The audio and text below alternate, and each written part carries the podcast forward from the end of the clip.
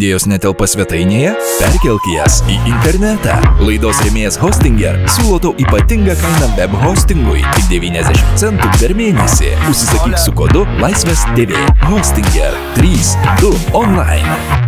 Labas, aš Timūras ir trečią šios savaitės dieną tiek žinių apie lietuvišką COVID atmainą, Vladimiro Putino metinę kalbą, Džordžo Floydo žudiko liepto galą bei Johnson Johnson vakcinos pirmosius žingsnius ant Marijos žemelės. Kas šią savaitę stebina Lietuvą? Ne, ne koks burbulas ar naujas OG version gabalas, ogi anykščiai. Kodėl? Nes ten šią savaitę buvo užfiksuoti net 43 naujos ne iki galo aiškios koronaviruso atmainos atvejai. Ir svarbiausia, niekas nežino, kaip jie ten atsirado, nei iš kur. Atmaina fiksuojama ir už anykščių ribų. Tikėtis, kad atmaina yra mūsų, lietuviška, irgi nereikėtų, nes ji jau buvo fiksuota Prancūzijoje, Vokietijoje, Belgijoje, JAV ir dar kitose šalise. O gaila, būtume paplitę po visą pasaulį, nors gal ir ne šiaip.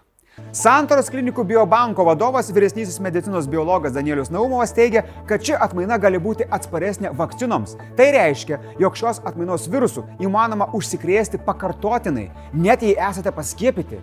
Pasak mokslininko, minėtoji atmaina yra panaši į kilusias iš Brazilijos ir Pietų Afrikos Respublikos. Jo manimu, šis virusas iš Afrikos galėjo ir kilti. Šiaip pritariu ekspertui, juk seniai yra žinoma, kad Lietuvos bei Afrikos kontrai žemėlapyje yra beveik identiški. Geroji naujiena ta, kad nėra pastebėta, jog jie susirgę pacientai sirgtų sunkiau, kai kurie prasirgo visai be simptomų. Nepastebima ir kad ši atmaina plistų greičiau už kitas. Anot ekspertų, tų atmainų atvejai yra gerai izoliuoti ir tyriamuose mėginiuose neatsiranda masiškai.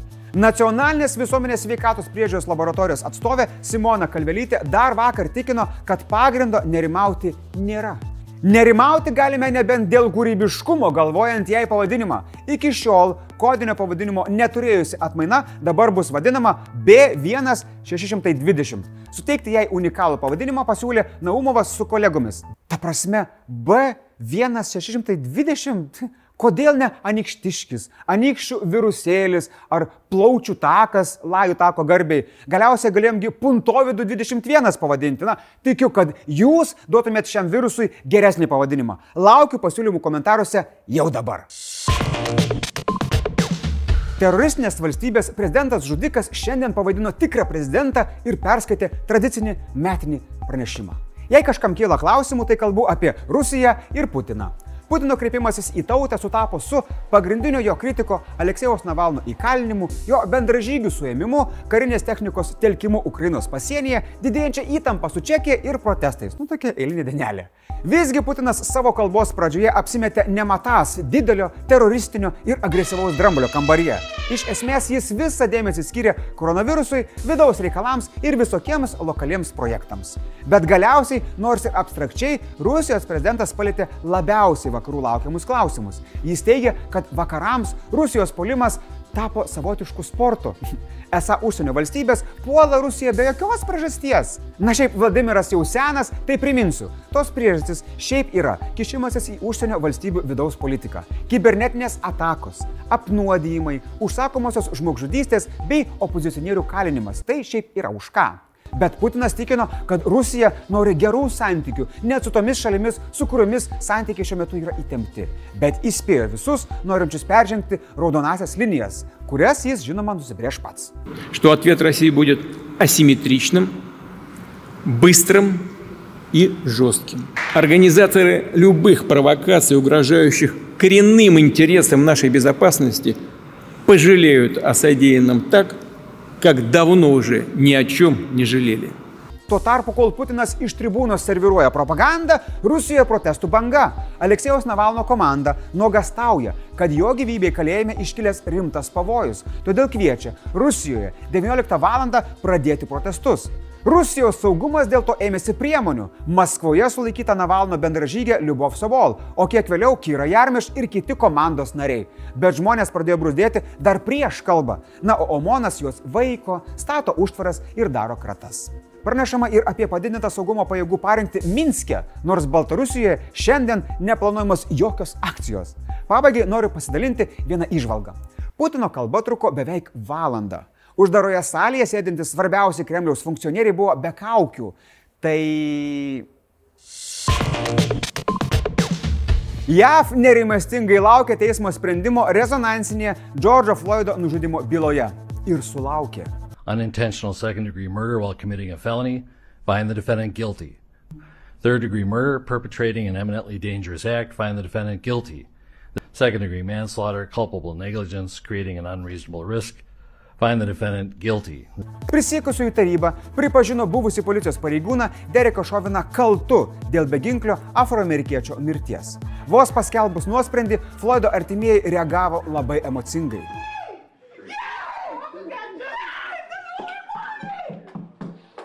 Kaip ir gatvėse susirinkę žmonės. Prezidentas Bidenas paskambino Floydo šeimai, o visuomeniai pasakė, kad It was a murder in the full light of day, and ripped the blinders off for the whole world to see. Sureagavo ir JAF garsenybės. Laidų vedėja Oprah Winfrey verkė džiaugsmo ašaromis. Krepšininkas Lebronas Džeimsas savo Twitter'yje paskelbė vos vieną, bet aišku žodį - atsakomybė. O Mariah Carey - aleliuja. Buvęs prezidentas Barackas Obama rašė, kad prisikusieji pasielgė teisingai, tačiau tikrasis teisingumas tuo nesibaigia. Dėl tokių reakcijų nieko nuostabaus. Tai yra istorinė pergalė juodaodžiams. JAV itin retai buvo nuteisiami pareigūnai smurtavę prieš juodaodžius ar net atėmė jiems gyvybę. Šis nuosprendis tikėtina taps svarbiu precedentu ir policijos reformų katalizatoriumi. Derekui Šovinui Minnesotoje už antro laipsnio žmogžudystę grėsia maksimali 40 metų laisvės atimimo bausmė.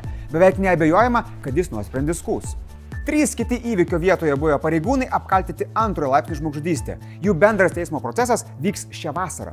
45 Derekas Šovinas buvo nufilmuotas daugiau nei 9 minutės atsiklaupęs ir keliu užspaudęs suimtojo Džordžo Floydo kaklą. Video visame pasaulyje sukėlė protestus prieš rasizmą ir pernelyg didelį policijos jėgos panaudojimą. Kadangi byla yra labai rezonansinė ir nuteisti dar ne visi žmogžudystės dalyviai, šioje istorijoje galutinio taško dar nėra. Ir kol kas laimėtas tik mūšis šiame sunkiame teisingumo kare - stiprybė.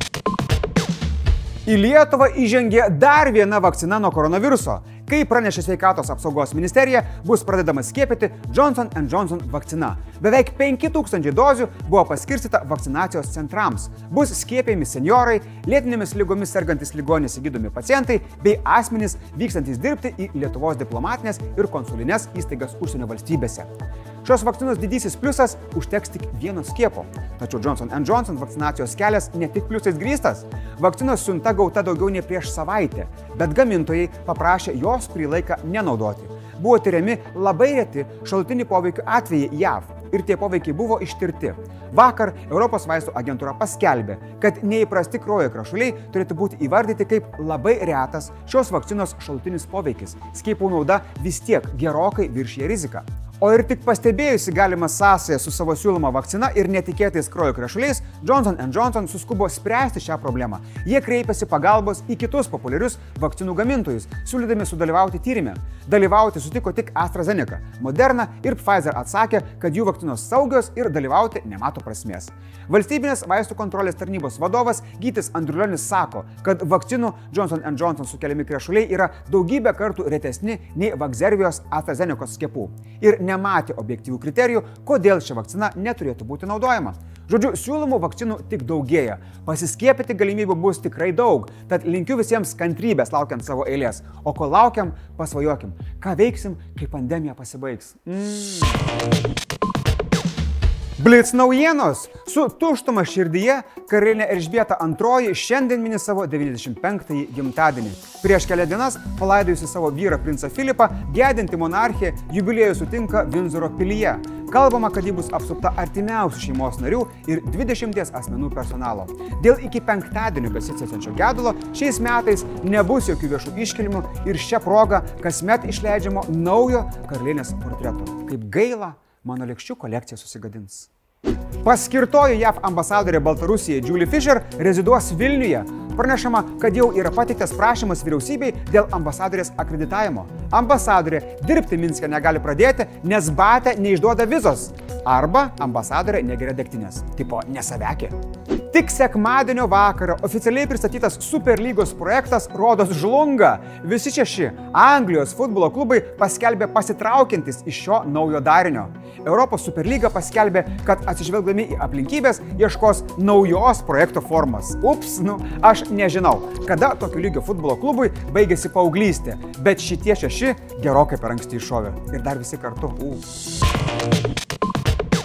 Draugai, primenu, kad šiandien komentaruose laukiu jūsų siūlymų, kaip pavadintumėte lietuvišką COVID atmainą. Parašykite jau dabar. O laidos pabaigoje konstatuoju, kad koncertų pasilgo ne tik žmonės, bet iš vis visa kas gyva.